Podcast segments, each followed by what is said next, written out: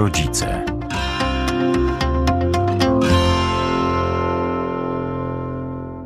Kampania na rzecz pogodnego dzieciństwa. To dzisiaj ten temat podejmiemy w audycji My Rodzice. Sprzed mikrofonu kłania się Magdalena Lipiec-Jaremek. Mówimy Państwu dobry wieczór. Dobry wieczór. Mówimy także naszemu gościowi razem z nami Zbigniew Matyszczak, ambasador marketingu społecznie zaangażowanego i oczywiście inicjator i realizator kampanii, o której już wspomniałam na początku, kampanii na rzecz pogodnego dzieciństwa. Rzeczywiście mało tych pogodnych dzieci w Polsce. Polsce? Tak, tak, tak, bo, bo gdzieś tam e, nie przeszliśmy e, z tych e, bardzo starych, archaicznych form, jeśli chodzi o model rodzinny. I niestety takie dość powszechne przyzwolenie na przemoc wobec dzieci, te formy są bardzo różne i niektórzy nawet nie mają tej świadomości, że krzywdzą dzieci, że jest to przemoc wobec dzieci. Stąd po moich różnych przemyśleniach i na pewno takich y, retrospekcji, czyli powrotów do dzieciństwa, pomyślałem y, o tym, by uruchomić kampanię na rzecz pogodnego dzieciństwa. Y, na pewno takim dużym tutaj motywacją taką podstawową to była właśnie przemoc poprzez alienację rodzicielską w rodzinie, czyli i hejt rodzinny. Mówimy o dużo bardzo o hejcie y, w, w przestrzeni tej wirtualnej, ale tutaj sądzę, że lockdown y, pokazał nam, jak bardzo jesteśmy przemocowi, jak jesteśmy agresywni wobec siebie, ale no tutaj przede wszystkim wobec dzieci. No ta opresyjność y, już dzieciaki doświadczają od, od momentu narodzin niestety. No później mamy mm, ostatnio pokazano, jak można być przemocowym wobec dzieci w żłobkach, co się dzieje w przedszkolach, no i opresyjność w szkołach. Dramatyczne są, panie Zbigniewie, te doniesienia medialne, chociażby ostatnich kilku tygodni. Tragiczna śmierć trzylatki, która była polewana zimną wodą.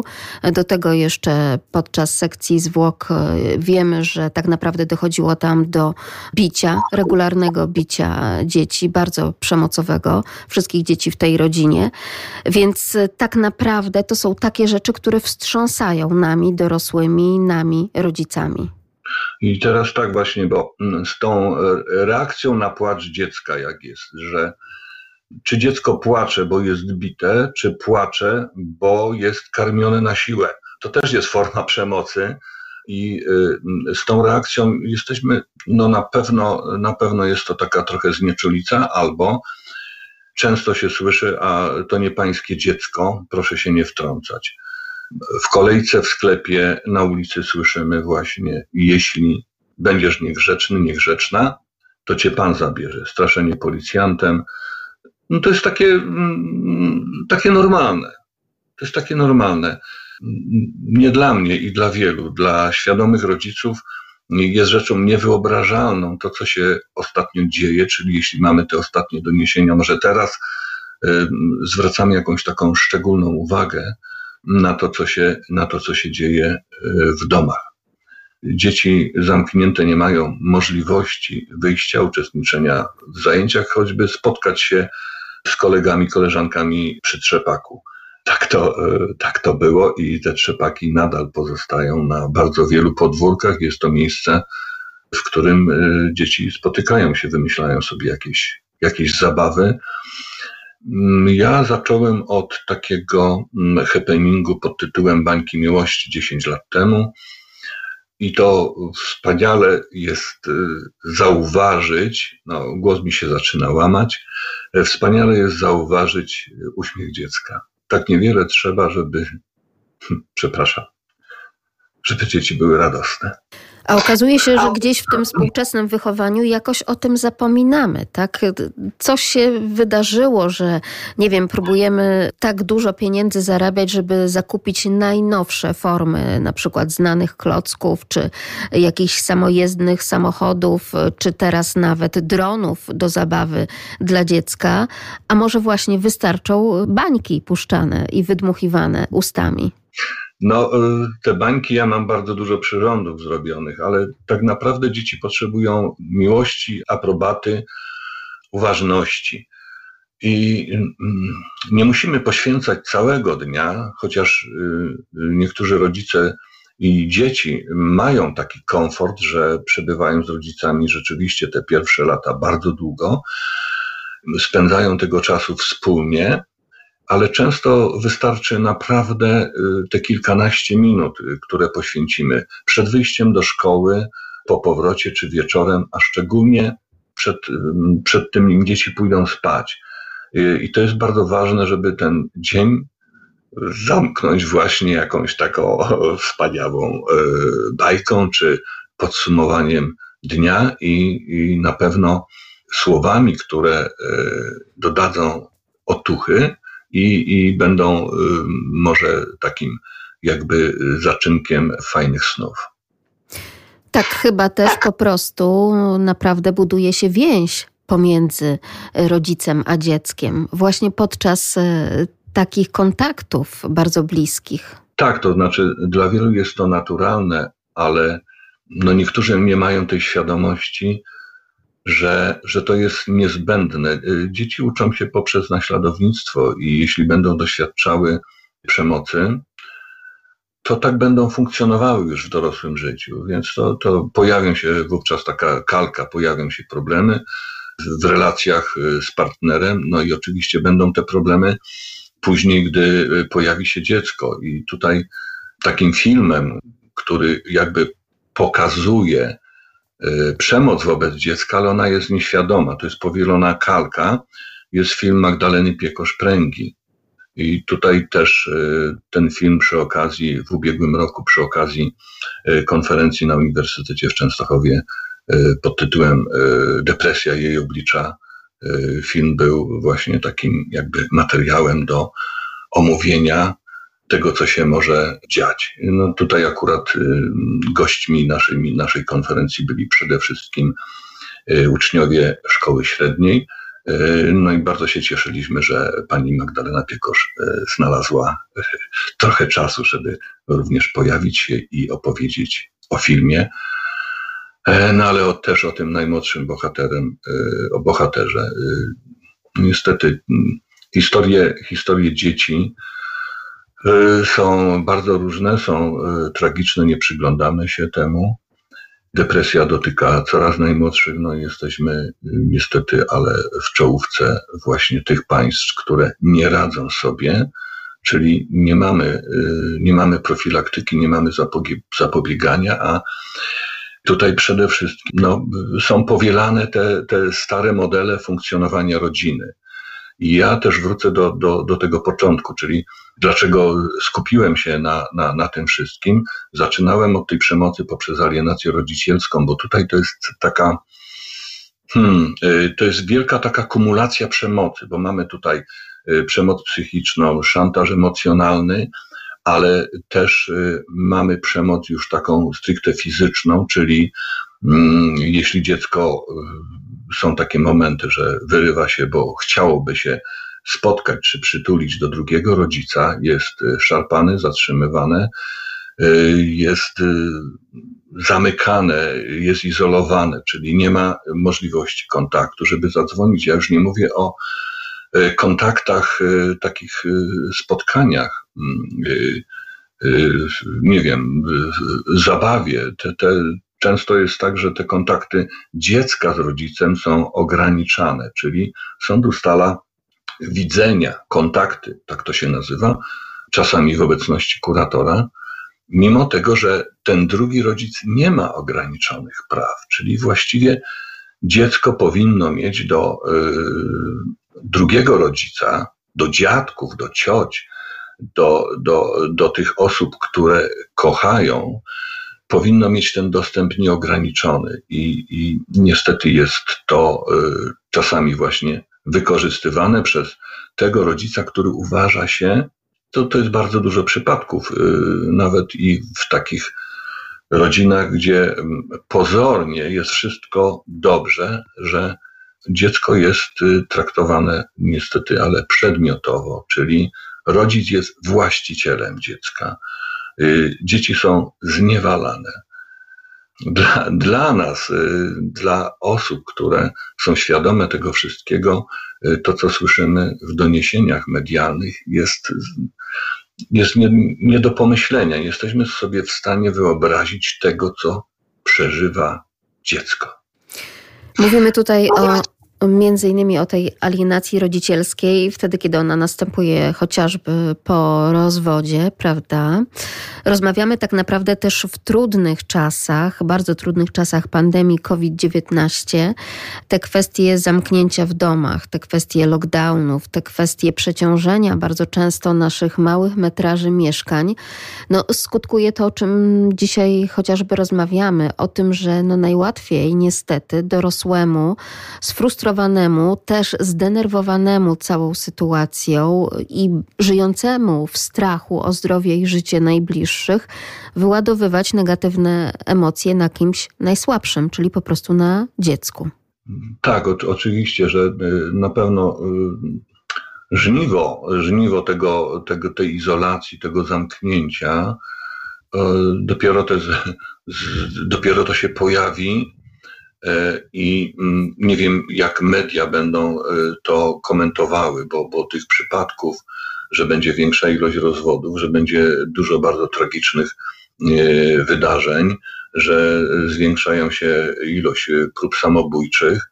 Kwestia przemocy poprzez alienację rodzicielską to nie jest kwestia tego typu, że nagle to się pojawia w momencie rozwodu, tylko ten, y, ta przemoc, y, izolowanie od drugiego rodzica, dziadków, cioć, ona postępuje dużo, dużo wcześniej i, jest, y, to jest taki prosty, mm, prosty mechanizm, żeby izolować dziecko od tych osób, których się nie lubi.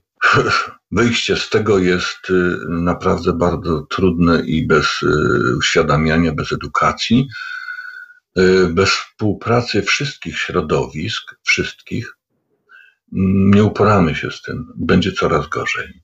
Co może być tak naprawdę przemocą wobec dziecka. Nie tylko ta e, klasyczna kwestia związana z paskiem i nie wiem, sprzączką i tymi siniakami po biciu czy po tym klapsie. Co jeszcze tak naprawdę może być przemocą? Tu chociażby wspomniał Pan kwestię karmienia. Tak, e, tak. E, są właśnie te bardzo różne, bardzo różne szkoły i jedni rodzice rzeczywiście podają pokarm e, e, wówczas, e, czy szykują posiłek wtedy, kiedy dziecko rzeczywiście chce. Nie przeciągają tego w nieskończoność.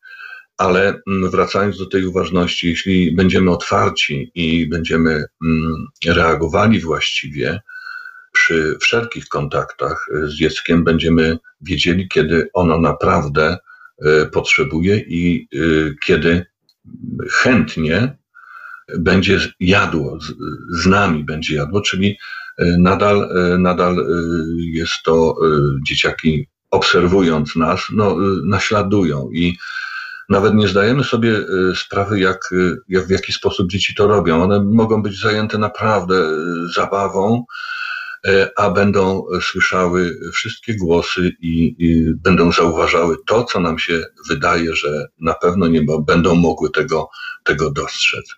I te, te formy to jest y, prosta, prosta taka bardzo przemocowa. Nie. Dlaczego? Nie, bo nie. Bo tak powiedziałem, powiedziałam. To jest takie no, całkowite zniewolenie. Dzieci nie mają się komu poskarżyć, bo te ich pierwsze lata, jeśli doświadczają właśnie tych takich y, niewinnych, jakby się zdało, form przemocy, one nie wiedzą nawet, że jest to przemoc. Świat jest y, tak zbudowany i one sobie, one myślą, że tak to po prostu wygląda. Do momentu, aż y, mm, trafiają y, na zupełnie innych ludzi, na, na y, wspaniałych ludzi, którzy poświęcają im czas, którzy chcą zrozumieć, którzy chcą dotrzeć do nich. I wówczas na pewno pojawia się refleksja, ale jest też to takie usprawiedliwienie matki, ojca, rodziców, którzy są przemocowi, że oni chcą przecież dla mnie dobrze. A potem słyszymy a potem... chociażby o takich sytuacjach, że sześcioletni chłopiec jest wystawiany na balkon w czasie mrozu za karę ale przecież tam rodzice tłumaczą się, nie dochodzi do żadnego bicia, to tylko kilka minut, niech poczuje, co zrobił źle, niech poczuje, co, gdzie i jak e, nie zagrało, prawda, w tej rodzinie.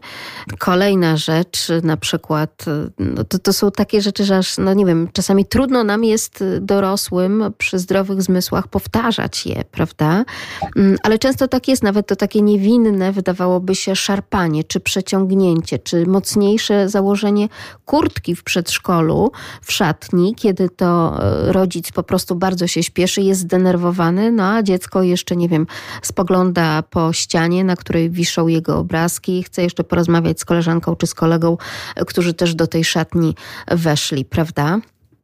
E, tak, ale to tych, tych przykładów ja odwiedziłem wiele domów dziecka i z różnych powodów bywa w przedszkolach, albo to były jakieś warsztaty z dziećmi, ale właśnie e, zauważałem to i może taki szczególny e, przypadek, tak utkwiło mi to w pamięci, gdy w przepięknym przedszkolu było, było organizowane właśnie takie zdjęcia pamiątkowe i dzieci miały przyklejony do twarzy taki, to nie był uśmiech, to był taki grymas.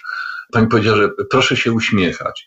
Ja stałem za panią, która robiła te zdjęcia, e, robiąc głupie miny, żeby te dzieci rozśmieszyć w jakiś sposób, żeby one były takie na zdjęciu, żeby to było takie radosne, spontaniczne. I proszę sobie wyobrazić, że żadne, żadne dziecko nie pozwoliło sobie na uśmiech.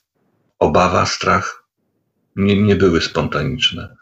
I no też y, patrząc y, na sytuację, gdy są rozdawane posiłki i tak dalej, wymagane jest bezwzględne posłuszeństwo. Bezwzględne. Tu i teraz. Jemy, mamy tyle minut, odstawiamy, koniec.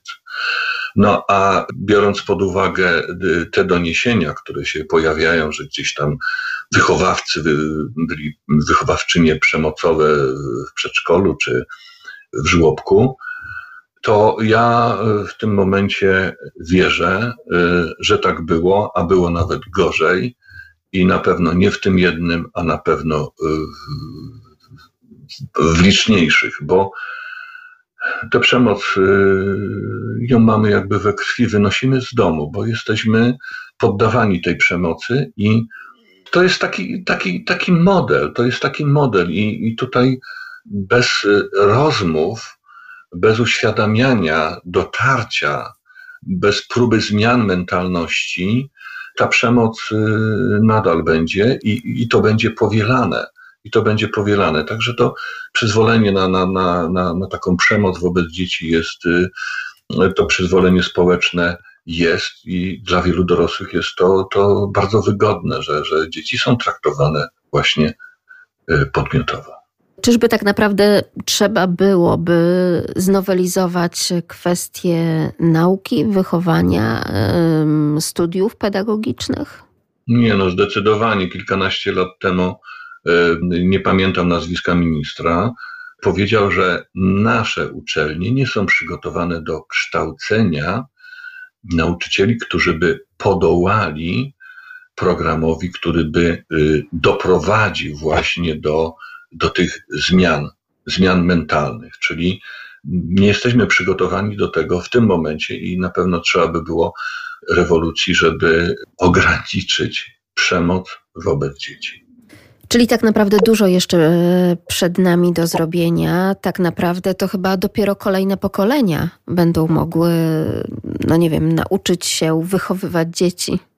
No, mnie się wydaje, że dopiero próbujemy próbujemy to zmienić. Jest y, bardzo dużo, ja śledzę tutaj y, wypowiedzi nauczycieli na, na Facebooku, jest y, bardzo dużo osób, które chcą to zmienić, bo zauważają, jak szkoła jest opresyjna. No, przedszkola, przedszkola również, więc tutaj, żeby doprowadzić to, no, na pewno musimy zacząć oczywiście od siebie, ale jeśli nie będzie zmian e, programowych e, na studiach kształcących e, nauczycieli, no to, to, to będzie tragedia, bo tutaj możemy liczyć w całym tym cyklu, musimy liczyć na szkołę, bo rodzice sobie z tym sami nie poradzą. Pewne zachowania, pewne modele muszą być wymuszone przez szkołę. A szkoła tak naprawdę potrzebuje bardzo wielu reform. Nie bardzo. Proszę mi powiedzieć, czy to nie jest tak, że na przykład kraje skandynawskie poddają nam trochę takie pomysły, jak tak naprawdę powinniśmy traktować dzieci, nasze dzieci i również w systemie nauczania, w systemie kształcenia, chociażby tym dostępie do natury, prawda? I tutaj jakby ta naturalność kształcenia dotyczy również naturalnego zachowania się dzieci, ale też tego, że nawet takie właśnie delikatne popchnięcie, czy nie takie zwroty, jakimi na przykład zwracają się czy nauczyciele, czy również rodzice do dzieci, że to wszystko trzeba by było zacząć weryfikować. W krajach skandynawskich pojawiały się kilkanaście lat temu takie kampanie społeczne właśnie dotyczące tego, jak powinniśmy postępować z dziećmi. Czy to jest dobry trop? Nie, nie, oczywiście, że to jest dobry trop i mm, przede wszystkim jako dorośli jeśli mamy do czynienia e, z dziećmi, powinniśmy wrócić do swojego dzieciństwa. Jest trudno wrócić do swojego dzieciństwa, bo e, to są, e, to są traumy, czyli doświadczaliśmy, na pewno doświadczaliśmy przemocy właśnie w takich, w takich niby, niby prostych sprawach, ale jeśli wrócimy do tego dzieciństwa i pomyślimy sobie, jakie ono mogłoby być, czego oczekiwaliśmy, a czego nie mieliśmy w tym dzieciństwie, że tej radości, tej, tej zabawy było tak, tak mało. Na pewno to w nas wyzwoli pokłady empatii, czyli może będziemy bardziej uważni wobec e, dzieci, które mamy pod, e, pod opieką i będziemy starali się zapewnić im to, czego sami nie mieliśmy. Te wzorce oczywiście Tutaj, jeśli mówimy e, o szkole Finlandii, Szwecja skandynawskich, oczywiście, że, że, że powinniśmy e, z tego czerpać, bo e, to jest nic innego jak właśnie ta uważność, której u nas brakuje i traktowanie dziecka jako, jako partnera, jako, jako człowieka, które ma małe doświadczenie człowieka, który y, ufa nam, ufa nam i liczy, że go wprowadzimy w dorosłe życie. To jest bardzo ważne. Ja, y, też tych inicjatyw, które y, ja gdzieś tam zaczynam i chciałbym i szukam do tego partnerów, jednym z nich to jest też na Facebooku ale y, to, co się dzieje na Facebooku, y, powinno być y, jakby tylko efektem czy od, odwzorowaniem tego, co w rzeczywistości. Zauważ mnie. I tutaj takie dwa aspekty. Zauważ mnie jako dziecko, jako uczestnika ruchu drogowego, czyli to zauważ mnie, chcę być bezpieczny. Bezpieczeństwo w ruchu drogowym, bezpieczeństwo prawne, ale zauważ mnie jako człowieka, jako partnera. Nie łam moich praw. Jakie kampanie jeszcze Pan e, przygotowuje? Teraz mamy taki trudny czas, tak naprawdę, jeśli chodzi o możliwość spotkania, zorganizowania się, czy wspólnego po prostu spotkania w gronie, chociażby dzieci czy młodzież i jacyś prelegenci, bo wiadomo, ciągle jeszcze jesteśmy w kolejnych etapach pandemii koronawirusa. Natomiast jakie pomysły rodzą się Panu, także z tych obserwacji w sieci, bo to w sieci teraz bardzo dużo dyskusji, chociażby pomiędzy psychologami, psychologami, pedagogami na taki oto temat, że Polska i polskie dzieci są bodajże na trzecim miejscu, jeśli chodzi o wskaźnik samobójstw dotyczących hmm. dzieci. Tak, y, ja teraz powiem myśl, która mi, która mi y, przyszła, a później to rozwinę. Festiwal jednego filmu to jest taki bardzo stary y, projekt, jeden film w miesiącu w sieci kin studyjnych i lokalnych. Na pewno to będzie film pręgi, na pewno powinien się pokazać, jeśli mówimy o samobójstwach, powinien się pokazać i powinniśmy obejrzeć film Marka Koterskiego pod tytułem Siedem uczuć. Ja przepraszam, bo łamie mi się głos. Jest to pozycja, film, który był reklamowany przez producentów jako komedia. mm, niestety to jest film, który mówi o właśnie o tym braku uważności, o problemach, jak opresyjna jest szkoła, jacy jesteśmy jako dorośli okropni dla dzieci. E, a jak się kończy film? E, no, po prostu ten film trzeba zobaczyć.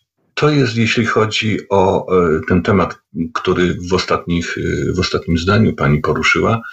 Natomiast no, na pewno w związku z tym, że teraz podczas pandemii można się, że tak powiem, gromadzić z zachowaniem dystansu społecznego, w ubiegłym roku odpuściliśmy sobie happening pod tytułem Bańki i Miłości, ale myślę, że teraz będziemy mogli je zrealizować. Chciałbym realizować, e, to znaczy plan w ogóle, e, projekt e, festiwalu jednego filmu, który miał ruszyć w ubiegłym roku i mieliśmy zacząć od Krakowa.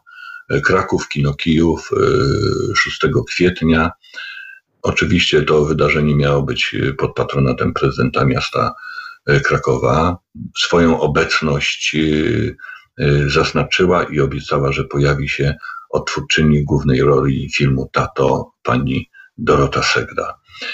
No i cóż, no, mieliśmy zaprosić tych wszystkich, od których zależy jakość życia dzieci, czyli na pewno y, policjantów, pracowników MOPS-u, ośrodków, pracowników sądu i pracowników szkół, bo to jest takie bardzo, bardzo istotne. No niestety to się nie powiodło, odwlekło się w czasie, ale będziemy chcieli teraz zrealizować, być może, że zaczniemy właśnie od y, online, ale uważam, że to powinniśmy zrobić.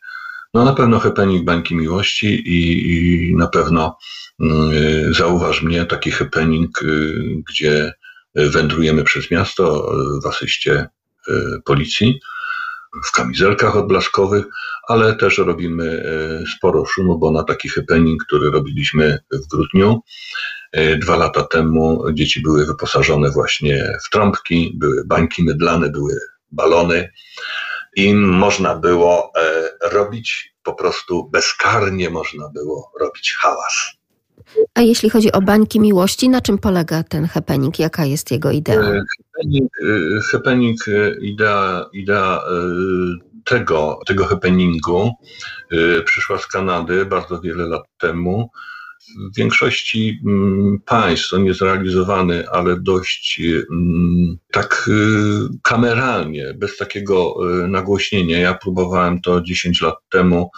Ten happening został jakby wpisany w program takiego program, który miał ograniczyć przemoc wobec przemoc w rodzinie, program wieloletni.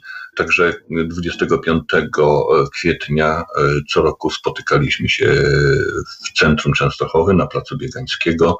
Wydarzenie organizowane pod patronatem prezydenta miasta e, przy współpracy e, z MOPS-em Częstochowa i szkołami, przedszkolami czyli zapraszaliśmy dzieci ze szkół i przedszkoli, oczywiście z rodzicami, z dziadkami, puszczaliśmy bańki mydlane. Ja przygotowałem bardzo dużo różnych, y, są to sznurki na kijach, pętle, y, ale też dla e, maluchów właśnie takie e, różne mniejsze urządzenia, które pozwalałyby im no, przy takich ograniczeniach i niewielkiej sile, jaką posiadają maluchy, by mogły puszczać również e, bańki te dmuchane albo przy pomocy właśnie takich urządzeń, gdzie wystarczy machnąć ręką, by bańki się pojawiły.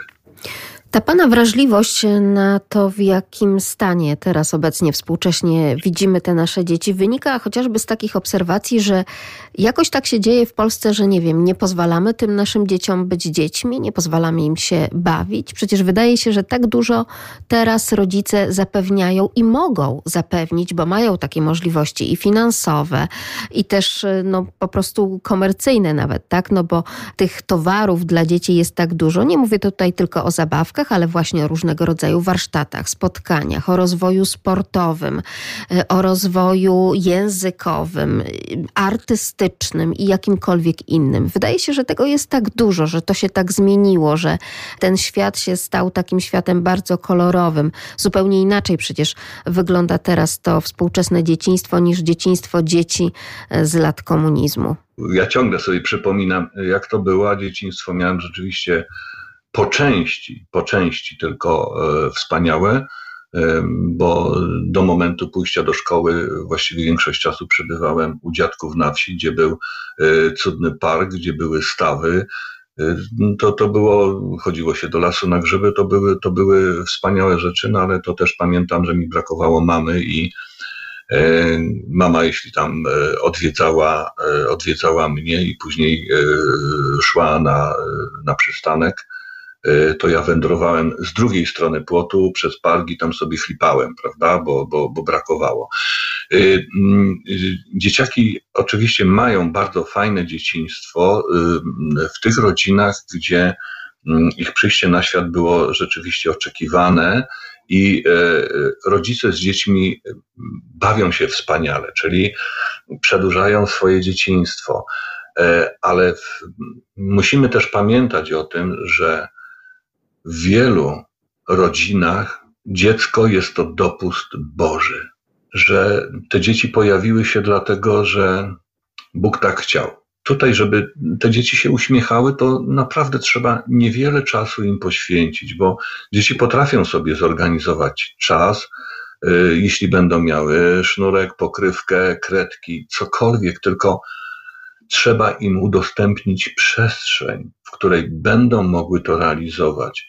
Y, one muszą mieć chwilę spokoju, bo wówczas się rzeczywiście bardzo angażują w role, które odgrywają w trakcie zabawy. E, I y, wówczas y, ten lekceważący y, stosunek do, do tego, co, co, co dzieci robią, no, wywołuje czasami traumy, bo jeśli dzieci akurat bawią się w rodziców, to jest to najważniejsze. Jeśli ktoś e, im w tym e, niefortunnie przeszkodzi, lekceważąc, nie wiem, to jest akurat moment karmienia, E, dziecko jako rodzic, ono jest wówczas autentyczne. Jeśli przerywa się ten, e, ten proces karmienia, czyli e, wówczas dziecko mm, uważa, że krzywdzi to swoje dziecko, wyimaginowane w postaci, w postaci lalki. I to już jest dla niego trauma, bo nie potrafi sobie z tym poradzić bo nie może nakarmić, e, a tylko dlatego, że ktoś zabrał, zabrał garnek, bo jest potrzebny grunt, że ktoś w ogóle pozwala bawić się takimi niezabawkami jak garnek, pokrywka, prawda? No bo przecież teraz mamy tak wiele kolorów, barw, pluszaków, klocków i różnego rodzaju gadżetów dla dzieci. A okazuje się, że dzieci tęsknią do prostoty i też to, o czym Pan wspomniał e, w kontekście do swojego dzieciństwa, jednak do natury, do tej wolności, właśnie do tego lasu, parku, stawu, do wybiegania się, ale bezpiecznego tak, tak kiedyś po prostu było. No teraz jest to do niewyobrażalne, żeby jechać na wycieczkę szkolną i dzieci mogły sobie biegać albo łazić po drzewach. To, to, a to jest, czasami jest to jedyna szansa takiego kontaktu z naturą, gdzie y, można łapać zielone żabki, gdzie można y, wejść na drzewo, y, gdzie można, nie wiem, rozklepywać kałuże, to jest właśnie to, czego doświadczają dzieci y, na zajęciach y, w szkołach skandynawskich, prawda? Y, ja w ubiegłym roku właśnie oglądałem sobie, to był, to był luty, czyli rok temu. Byliśmy na takim placu zabaw, tak zwanym placu deszczowym. To było przy takiej cudnej sadzawce. Był dom E, domek taki, zamykany na kłódkę, e, domek, e, gdzie było mnóstwo różnych zabawek. I właśnie na takim placu deszczowym to, co bardzo mi się spodobało, to były tak, przede wszystkim teren piaszczysty, tak jak plaża, przylegający do pięknego oczka wodnego, ma takiego małego stawu.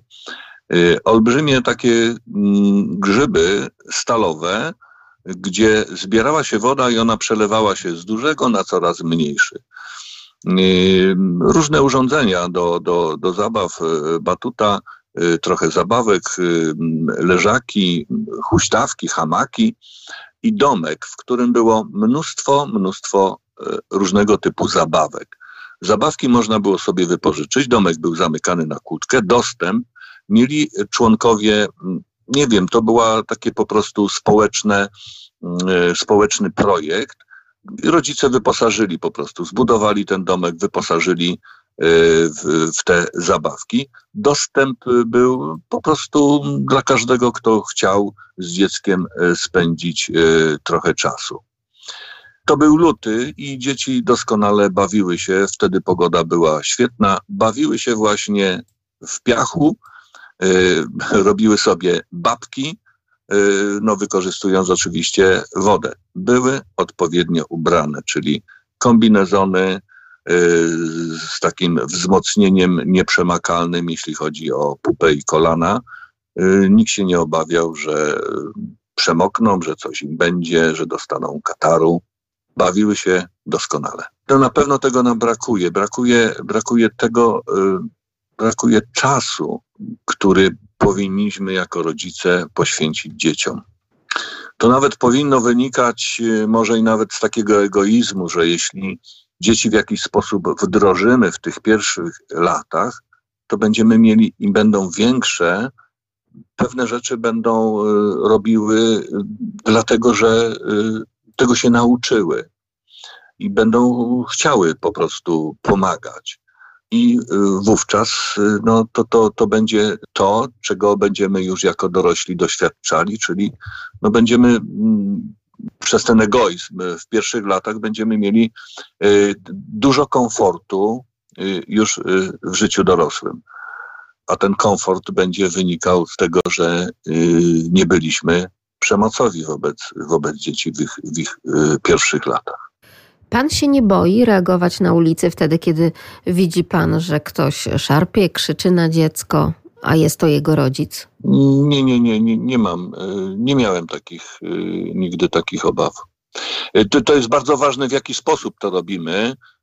Czy, czy reagujemy emocjonalnie, czy wykazujemy się poczuciem humoru.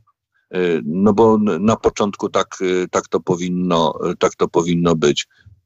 Co nie znaczy, że pewne zachowania nie, Y, jak w każdym, nie, nie, nie, nie wywołują y, we mnie, we mnie agresji, ale, ale to no, ona jest wywołana już y, konkretnymi takimi zachowaniami, czyli jeśli ktoś jest chamski, wulgarny, no, no to może w każdym wywołać, że tak powiem, agresję, no a w niektórych no to tylko po prostu strach.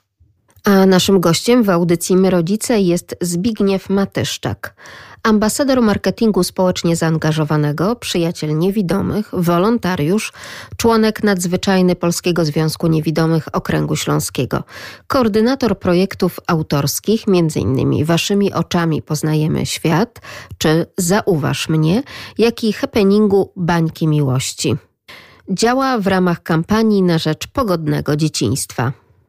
Sprzed mikrofonu kłania się Magdalena Lipiec-Jaremek. Jak zawsze, co tydzień zachęcamy Państwa do rozmów poprzez nasz kontakt mailowy rodzicemałparadio.lublin.pl My, rodzice.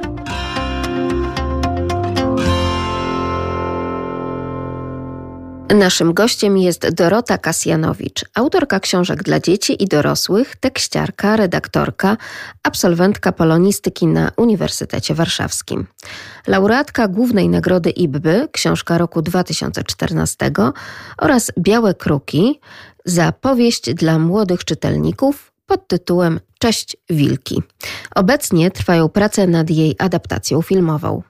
Książka 30 znikających trampolin, której fragmenty w 2019 roku trafiły do podręcznika języka polskiego dla klas piątych, znalazła się na liście BIS polskiej sekcji IBBY wśród tytułów nagrodzonych w 2017 roku.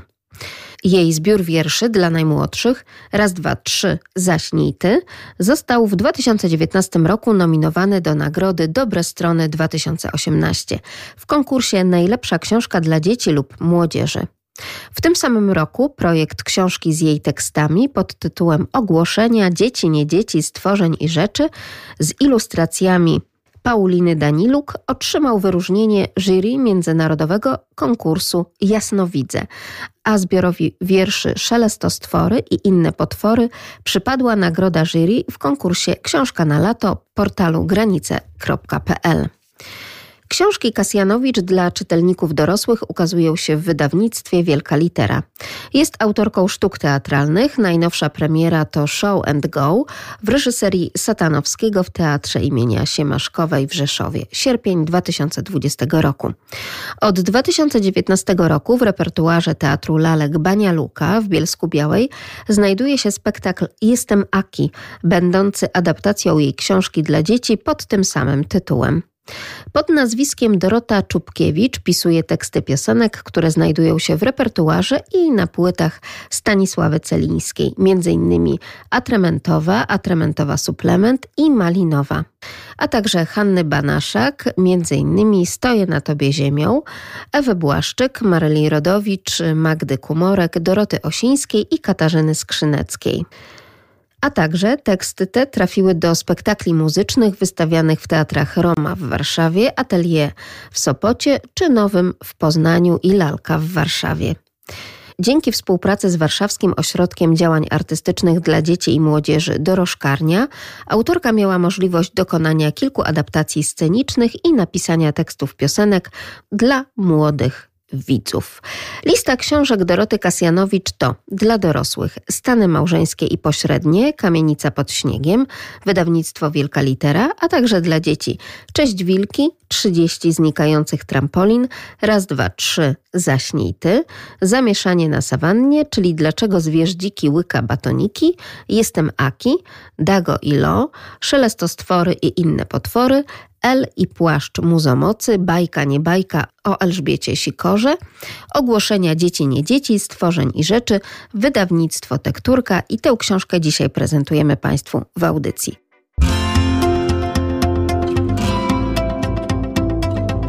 My, rodzice.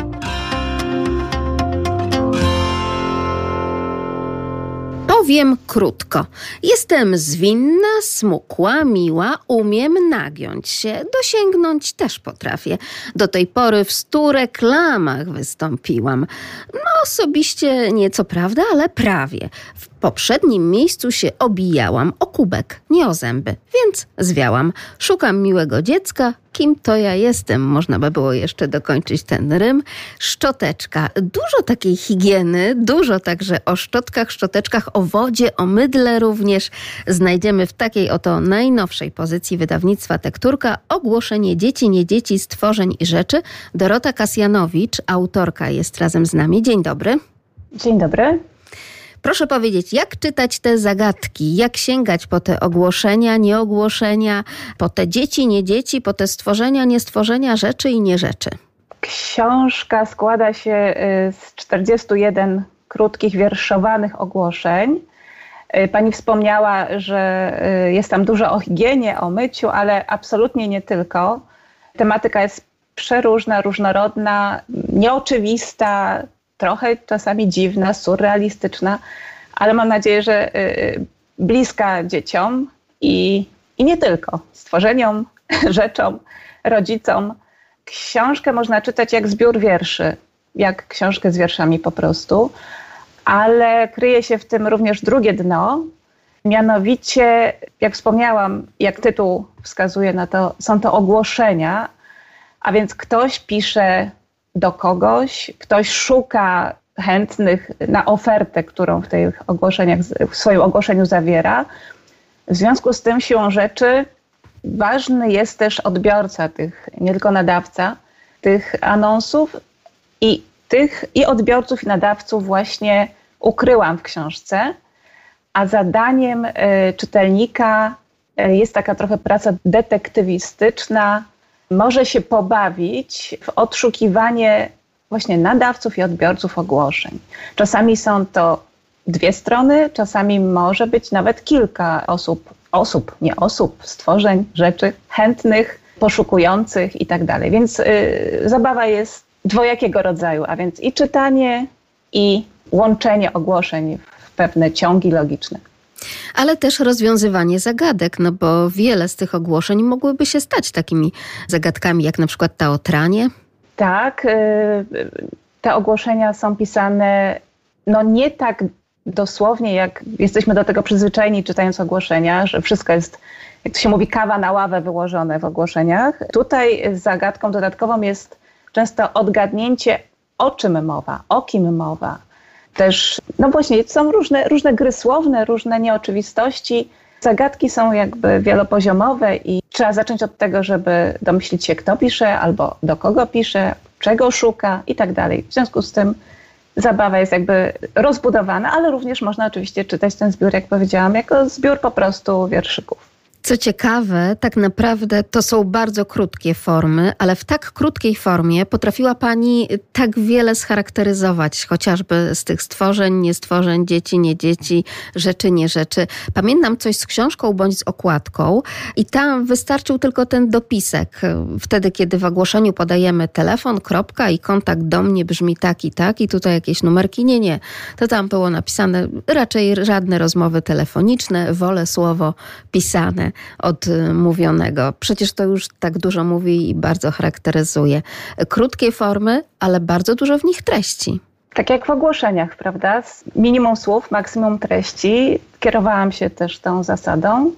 Oczywiście w jakiś taki zabawny i przekorny sposób, bo myślę, że warto podkreślić, że y, humor tutaj również odgrywa sporą rolę. Mam nadzieję, że jest go tam sporo. No tak, właśnie, mało słów, króciutkie formy, wieloznaczność słów y, powoduje, czy, czy konstrukcje, ułożenie, po prostu dobranie tych słów y, powoduje, że w krótkiej formie można zawrzeć naprawdę bardzo wiele. Nie są to wierszyki dydaktyczne, broń Boże, y, natomiast starałam się tam czasami coś przemycić z takiej rzeczywistości, nie wiem, bliskiej dziecku albo, albo również dorosłym. Wspomniała Pani o okładce, o książce. No zdradzę, książka szuka swojej okładki, którą, którą nie powiem w jakich okolicznościach, tutaj już zostawię to czytelnikom, została tej okładki pozbawiona.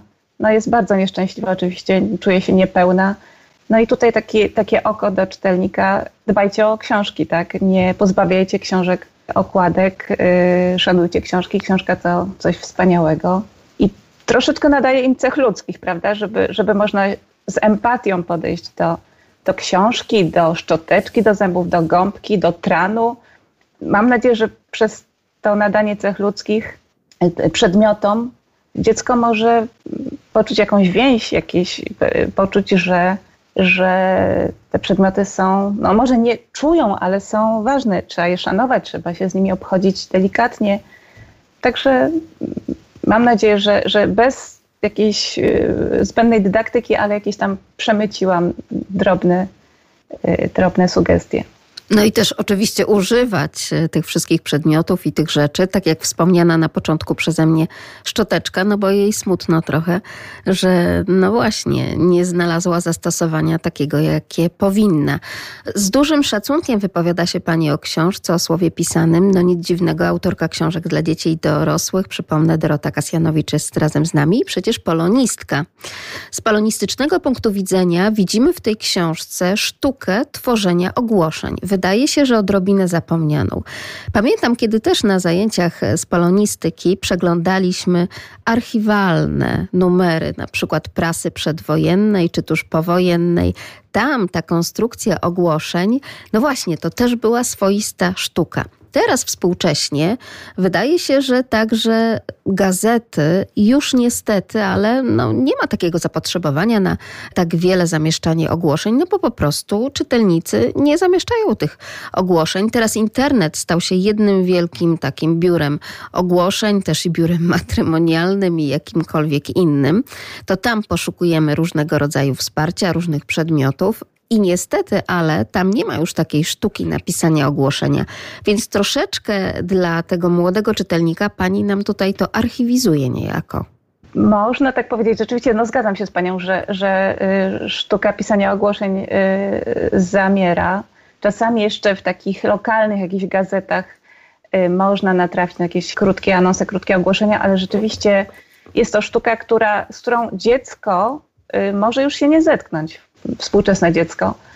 W związku z tym przy okazji mam nadzieję, że może zachęcę dzieci do zainteresowania się taką formą jak ogłoszenie może ta praca detektywistyczna będzie polegała też na tym, żeby sięgnąć, poprosić mamę, tatę, żeby odkopali jakieś stare gazety, poszukali y, w starych, y, w starych gazetach ogłoszeń, właśnie co to jest ogłoszenie, jak się pisało, na czym to polegało.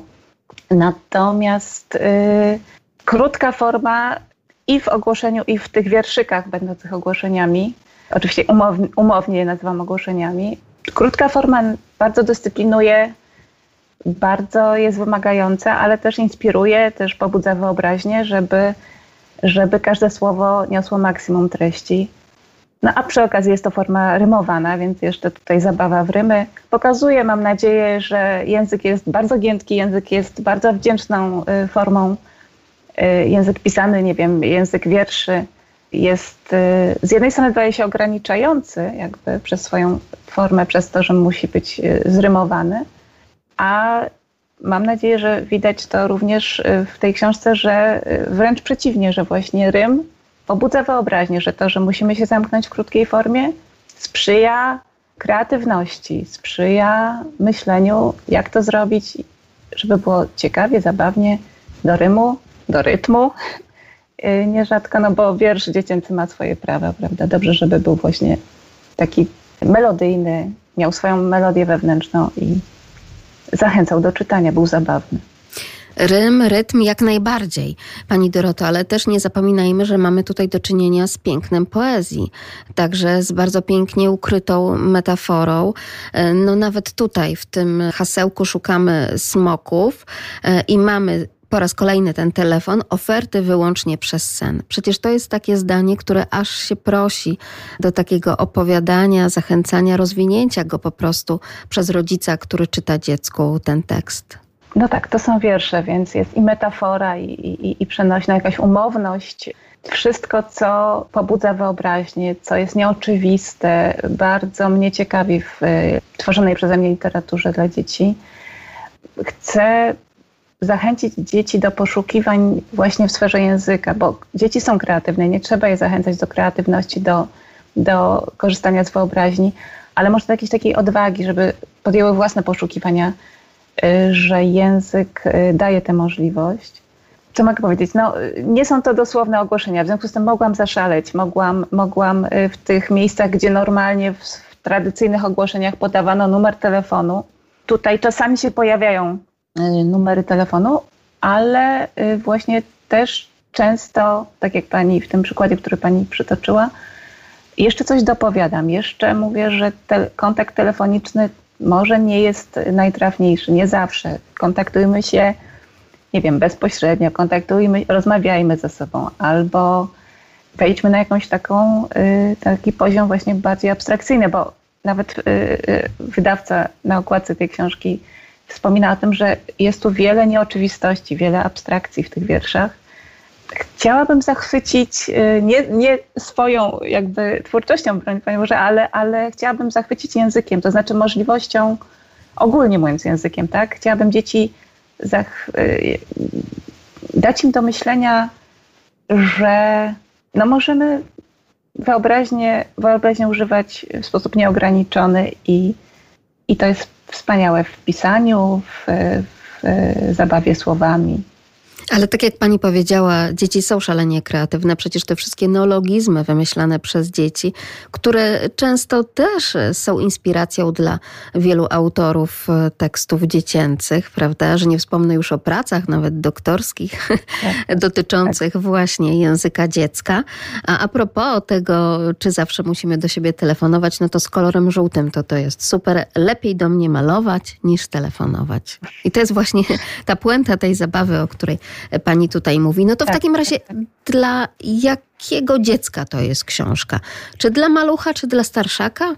E, powiem tak, e, pisząc książki rzadko się zastanawiam nad przedziałem wiekowym. Po prostu mam pomysł, zapisuję go, przylewam na papier, tak, czyli do komputera i wtedy jakby ta myśl, jaki to ma być przedział wiekowy mojego y, potencjalnego czytelnika, nie jest dla mnie najważniejszy. Ja potem jestem jakby przez wydawcę zawsze o to jakoś pytana, czy wspólnie ustalamy ten wie, przedział wiekowy, no bo, no bo jest taki wymóg, prawda, żeby jakoś to zaadresować. Natomiast ja zawsze mówię, że tak, do, z dolną granicą nie mam jakoś tam kłopotu. Czyli tutaj sugerowana dolna granica to jest 5-6 lat Natomiast oficjalnie jest powiedziane, że ta górna granica to jest lat 8, ale no często to mówię, że, że ta górna granica w przypadku moich książek byłabym szczęśliwa, gdyby ta granica po prostu nie była ustalana, że każdy, kto, kto sięgnie po tę książkę, mam nadzieję, że będzie czymś tam w niej, w, nie, w niej zainteresowany. Staram się tak pisać, żeby rodzic, który czyta dziecku, też miał z tego jakąś przyjemność, też znalazł coś dla siebie. Czasami wręcz puszczam y, oko y, do dorosłego wyłącznie, tak? Który, używam jakiegoś skojarzenia, jakiegoś sformułowania, jakiegoś obrazu, który będzie czytelny tylko dla, dla dorosłych. Zresztą mam już pierwsze tutaj w przypadku ogłoszeń, y, mam pierwsze sygnały, że rodzice też przy tej, przy tej książce całkiem nieźle się bawią i powstaje taka forma wspólnej zabawy, rodzinnej, że jest powiedzmy y, rywalizacja między dziećmi a dorosłymi, ktoś więcej y, ogłoszeń i trafniej odszuka, znajdzie te, te połączenia między ogłoszeniami. Czy też jest to wspólna zabawa z dziećmi, także bardzo mnie to cieszy, bo zawsze o tym marzę, żeby, żeby rodzice też y, czerpali z książek dla dzieci, które piszę, choćby dlatego, żeby przy okazji też pobudzali swoją kreatywność, bo na to nigdy nie jest y, za późno. A przy okazji również, y, żeby może jakoś zwrócili y, uwagę na to, jak dzieci, jak ich dzieci są kreatywne. Wsłuchali się w to, co mówią, jak reagują przy lekturze, żeby otworzyć rodziców na ten niezwykły świat wyobraźni dziecka. To jest jakby zamiar również mój poboczny przy pisaniu. Do tej kreatywności zachęca na pewno różnorodność. Różnorodność w tekście oczywiście, ale też różnorodność w zapisie tego właśnie tekstu. No tutaj widzimy naprawdę ta wielość czcionek to jest coś, co dzieci, zwłaszcza które uczą się czytać, bardzo lubią, więc to też może być taka jedna z książek tak zwanych pierwszych czytanek samodzielnych przez dziecko, dlatego że no to też jest zabawa, prawda? Bo niektóre słowa są jak namalowane. One tak właśnie wyglądają. To jest z jednej strony, y, y, myślę, miły zabieg dla oka, tak? że, że tam się dużo dzieje właśnie w, w sferze zapisów, w czcionkach, w kroju pisma pismo jest takie przyjazne, bym powiedziała, y, dziecku, bo czcionka jest duża, czytelna. Są właśnie te graficzne, jakby takie powiedzmy ręcznie, y, w cudzysłowie pisane y, fragmenty czy słowa pojedyncze.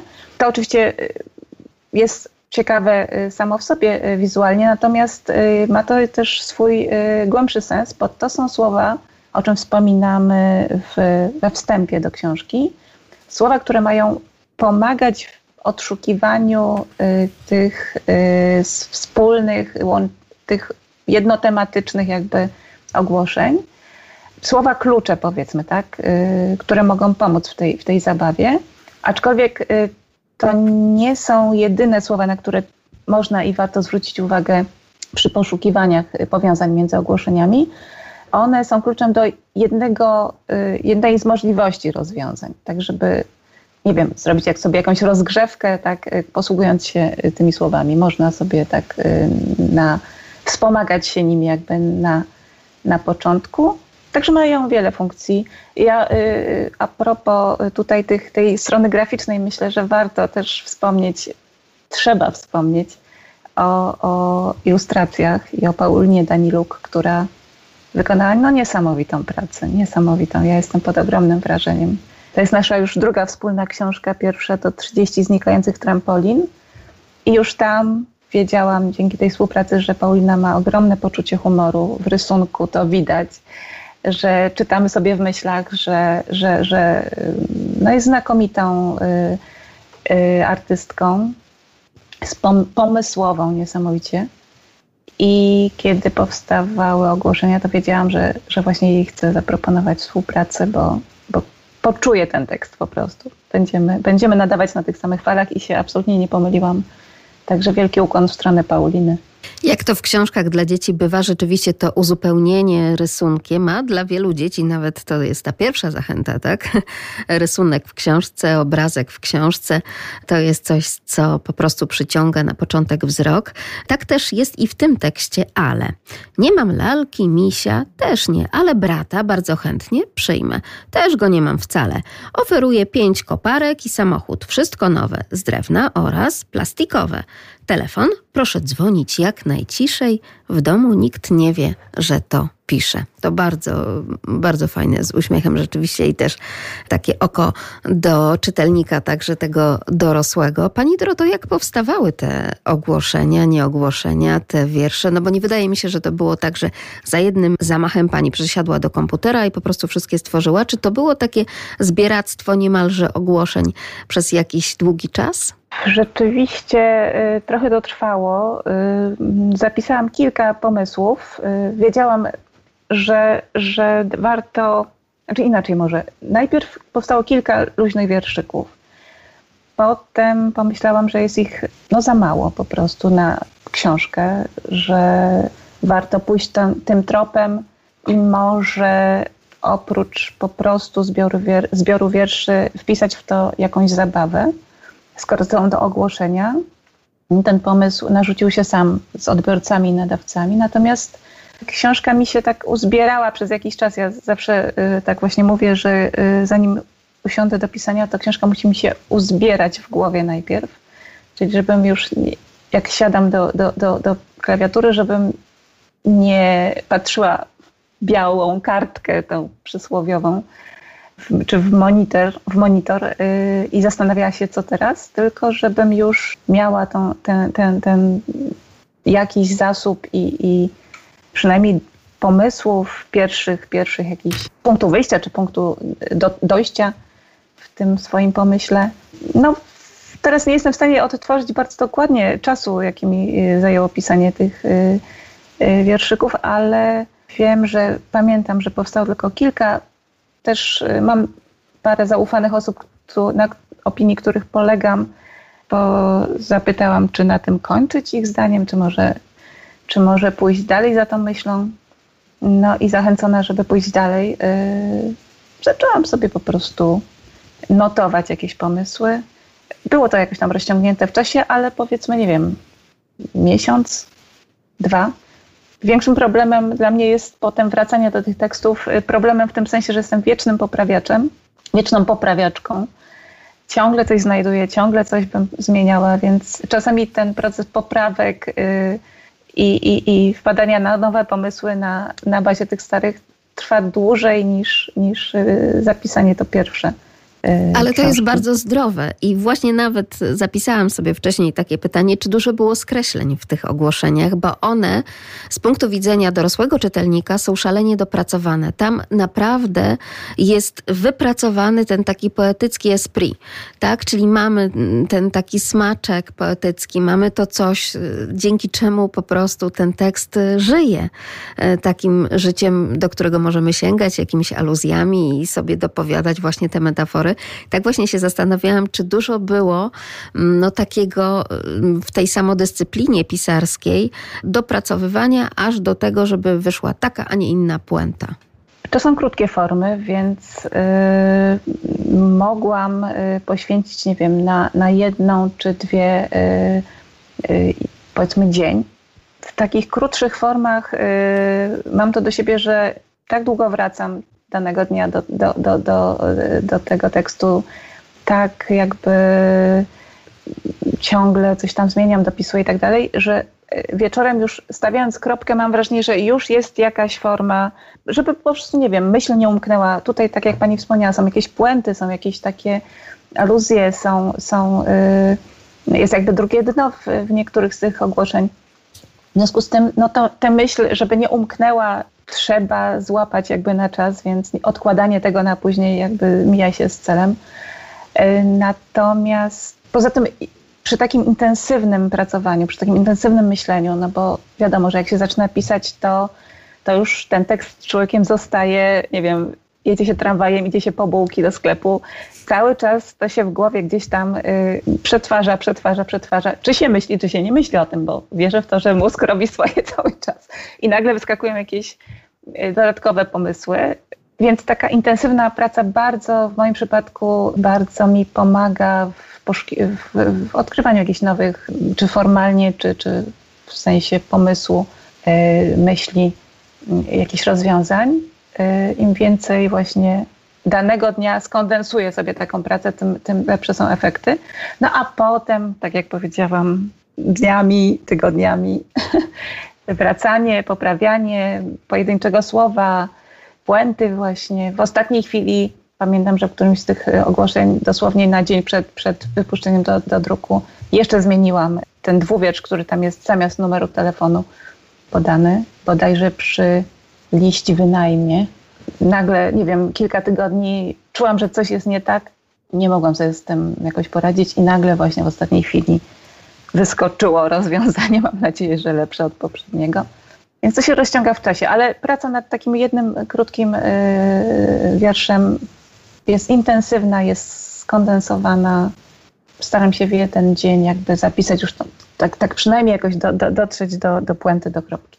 Pani Doroto, zanim my dotrzemy do puenty i do kropki, to jeszcze muszę Panią zapytać o te ambicje, bo tak naprawdę to jest bardzo ambitna literatura dla dziecka, dlatego że wydaje się, że nawet jeżeli pojawia się poezja dziecięca, no jest ona no, z punktu widzenia często dorosłego czytelnika dość infantylna, prawda? Ma taką e, wykładnię jeden do jeden.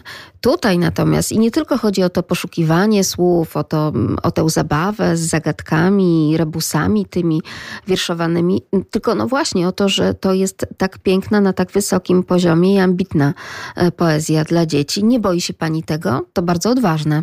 No bardzo dziękuję za te miłe słowa. E, no nie wiem, e, znane powiedzenie mówi, że dla dzieci trzeba pisać tak samo jak dla dorosłych, tylko lepiej, tak? Więc y, absolutnie to, że odbiorcą jest czytelnik dziecięcy, nie włącza mi takiego myślenia, że ma być, nie wiem, prosto, y, infantylnie, właśnie, nie wiem, słodko, y, grzecznie, wyłącznie i, i, i miło. Mm, myślę, że dziecko przede wszystkim trzeba traktować serio i, i w życiu, i w literaturze, i jako czytelnika, i jako, nie wiem, członka rodziny.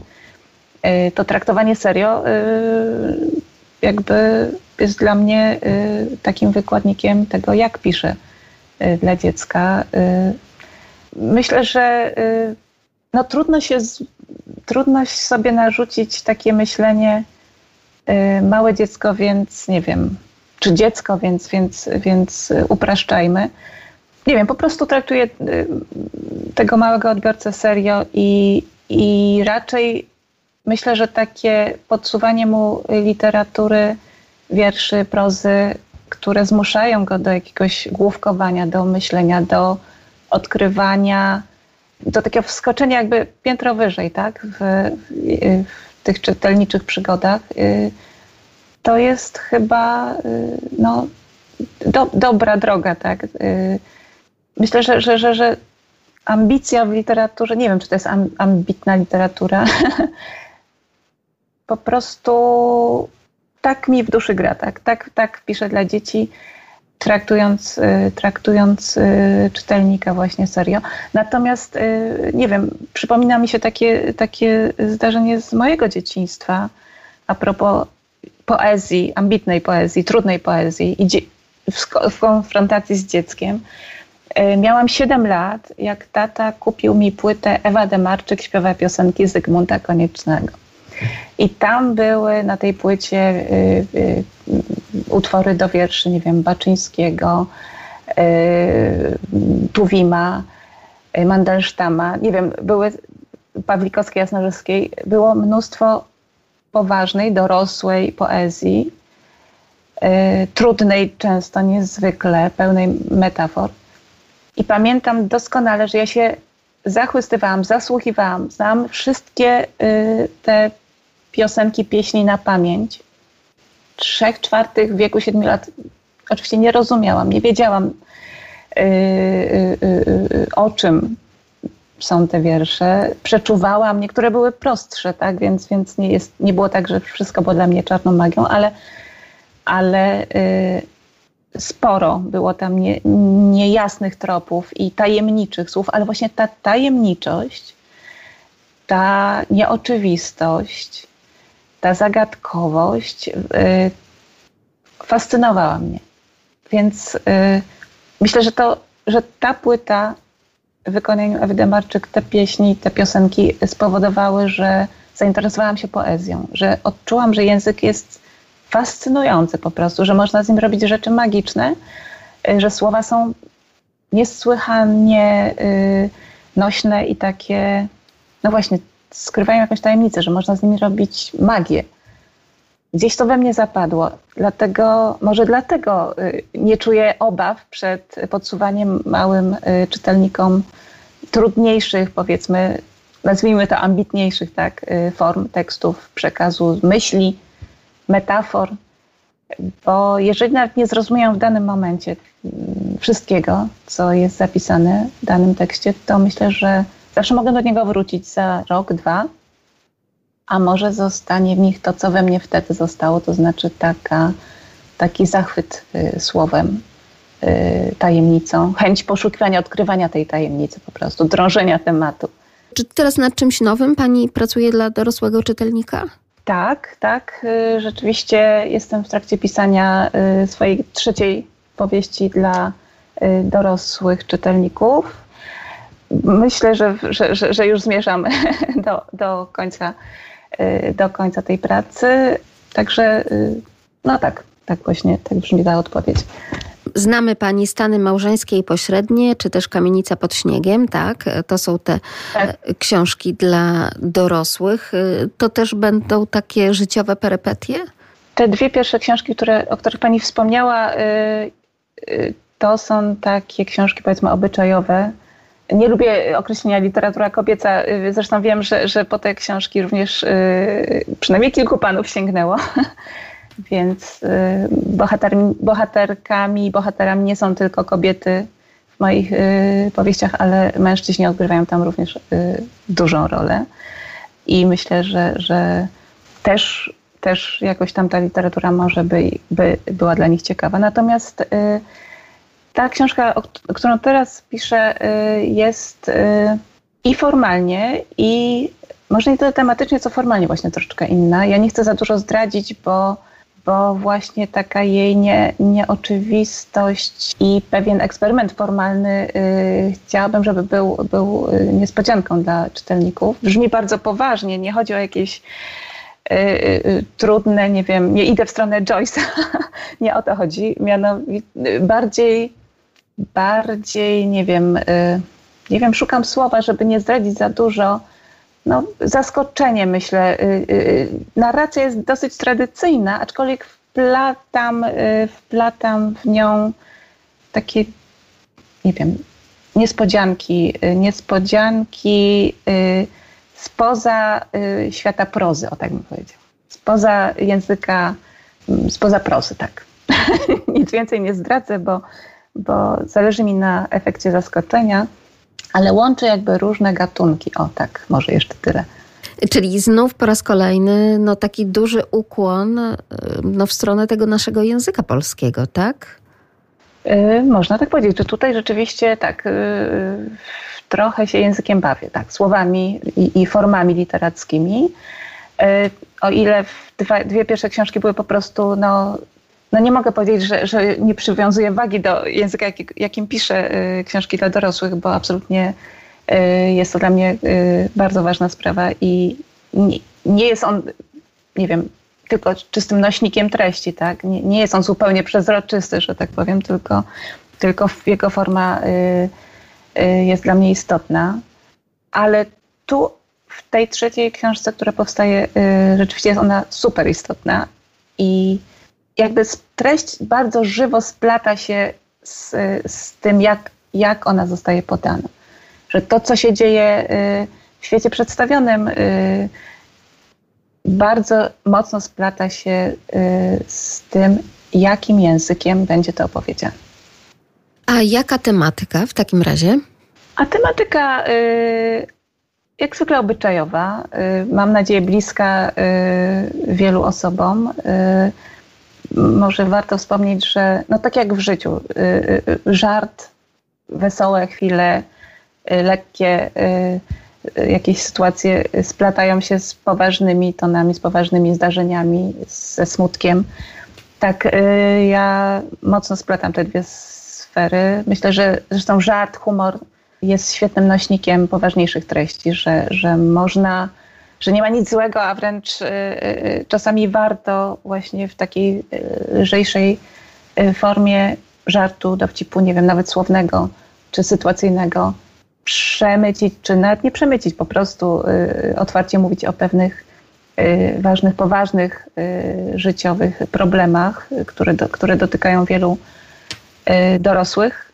Tak jest i tym razem, chociaż forma jest no znowu, dużo żartu, dużo, dużo zabawy, bardzo wręcz powiedziałabym, że stawiam tutaj w tym przypadku na, na, na humor y, w tej trzeciej książce, to tematyka jest y, no, poważna. Y, chciałabym poruszyć takie tematy jak relacje między dorosłym synem a jego matką, w sensie żonatym synem, tak? Relacje teściowa, synowa relacje z dziećmi, relacje między przyjaciółmi, no i takie po prostu życiowe y, sprawy, które dotykają wielu, wielu z nas, a mówię, jakby lżejsza forma nie wyklucza poruszania poważnej tematyki, moim zdaniem. Tytułu jeszcze nie znamy. No waham się jeszcze, jeszcze się waham, y, na razie nie będę zdradzać, bo to się może jeszcze zmienić więc zatrzymam to jeszcze dla siebie. Z tytułem często jest tak, że on powstaje w ostatniej chwili.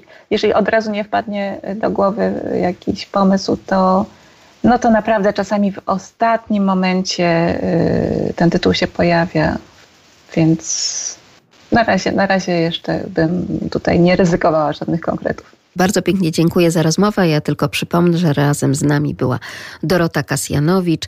Ogłoszenia Dzieci, nie dzieci, stworzeń rzeczy. Wydawnictwo Tekturka to ta najnowsza książka wydawnictwa lubelskiego, lubelskiego wydawnictwa Tekturka, którą Państwu w audycji polecamy. Rodzice małparadio.lublin.pl Jak zawsze kontakt z nami. Kontakt także po to, żeby właśnie te ogłoszenia wziąć w rękę i poczytać razem ze swoim dzieckiem. Mamy książki od wydawnictwa Tekturka Dla Państwa, a sprzed mikrofonu kłania się Magdalena Lipiec-Jaremek. Dziękuję bardzo. Do usłyszenia.